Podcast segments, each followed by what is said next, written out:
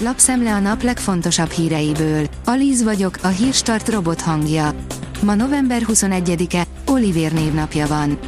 Megéri klímával fűteni, ha okosan csináljuk. Az energiaárak emelkedésének következtében egyre többen törekednek arra, hogy csökkentsék rezsijüket. Erre alapvetően két módszer van, a fogyasztás mérséklése, valamint az energiahatékonyság fokozása, magyarán az energia okosabb felhasználása, írja a 24.hu. Már a háztartási gépeket is féltik az orosz hadseregtől.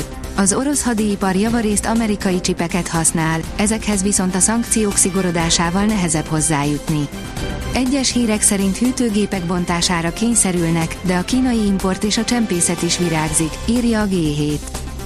A 444.hu szerint éveket kell várni azokra a fejlesztésekre, amik után a kormány visszaengedné a napelemeket a hálózatba. A kormány úgy zárta ki a háztartási naperőműveket a hálózatból, hogy ha kész lesznek a szükséges fejlesztések visszajöhetnek. Ezek viszont lehet, hogy csak évek múlva készülnek el, és még a csúszás sem kizárható. Az Infostart oldalon olvasható, hogy a halál a tökéletes fegyver, amire az ukránok foga is fáj. Ninja bombának is nevezik azt a különleges, drónról indítható rakétát, amivel akár egy-egy embert is likvidálni lehet. Afrikából érkezik a legújabb Ford Pickup. Megkezdődött Dél-Afrikában az új generációs Ford Ranger gyártása a helyi és a globális exportpiacokra, írja az Autopro. A pénzcentrum oldalon olvasható, hogy beleállt az árstokba a Kifli vezére, én örültem, hogy kibővült, de a végrehajtást máshogy csinálnám. Bár a kiflit nem érinti egyelőre nagyon komolyan a rezsiválság, az évtizedek óta nem látott infláció és az árstop azért érezteti hatását.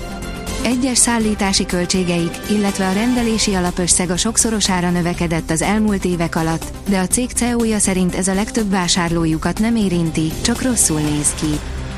Két magyar, aki milliárdokért bekebelezte a közép-európai közétkeztetést. Egy angol kockázati tőke befektető társaság közbeiktatásával két magyar magánszemély Közép-Európa meghatározó közétkeztetési vállalkozásainak tulajdonosa lett. Szolid becslések szerint is 8-10 milliárd forintos üzlet köttetett, írja a napi.hu. A vg.hu oldalon olvasható, hogy eldőlt a verseny a hibrid és az elektromos hajtás között. A Teslának a lista végéről kellett felküzdenie magát a középmezőnybe, a Toyota mindent visz. Az én pénzem szerint lakossági megtakarítások, utoljára 2008-ban láthattunk ilyent.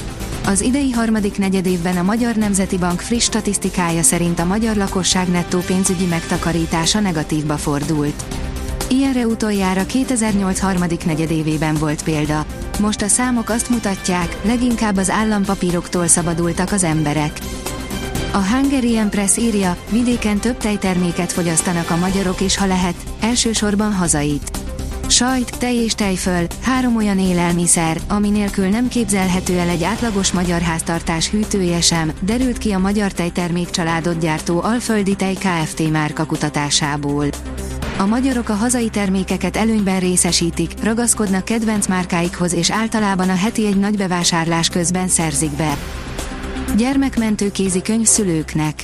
A szülőknek szánt, november végén megjelenő, gyakorlatias és közérthető könyvével is a gyermekek egészségének megőrzése és az életmentés a célja a Szent Márton gyermekmentő szolgálatnak, áll a 168.hu cikkében.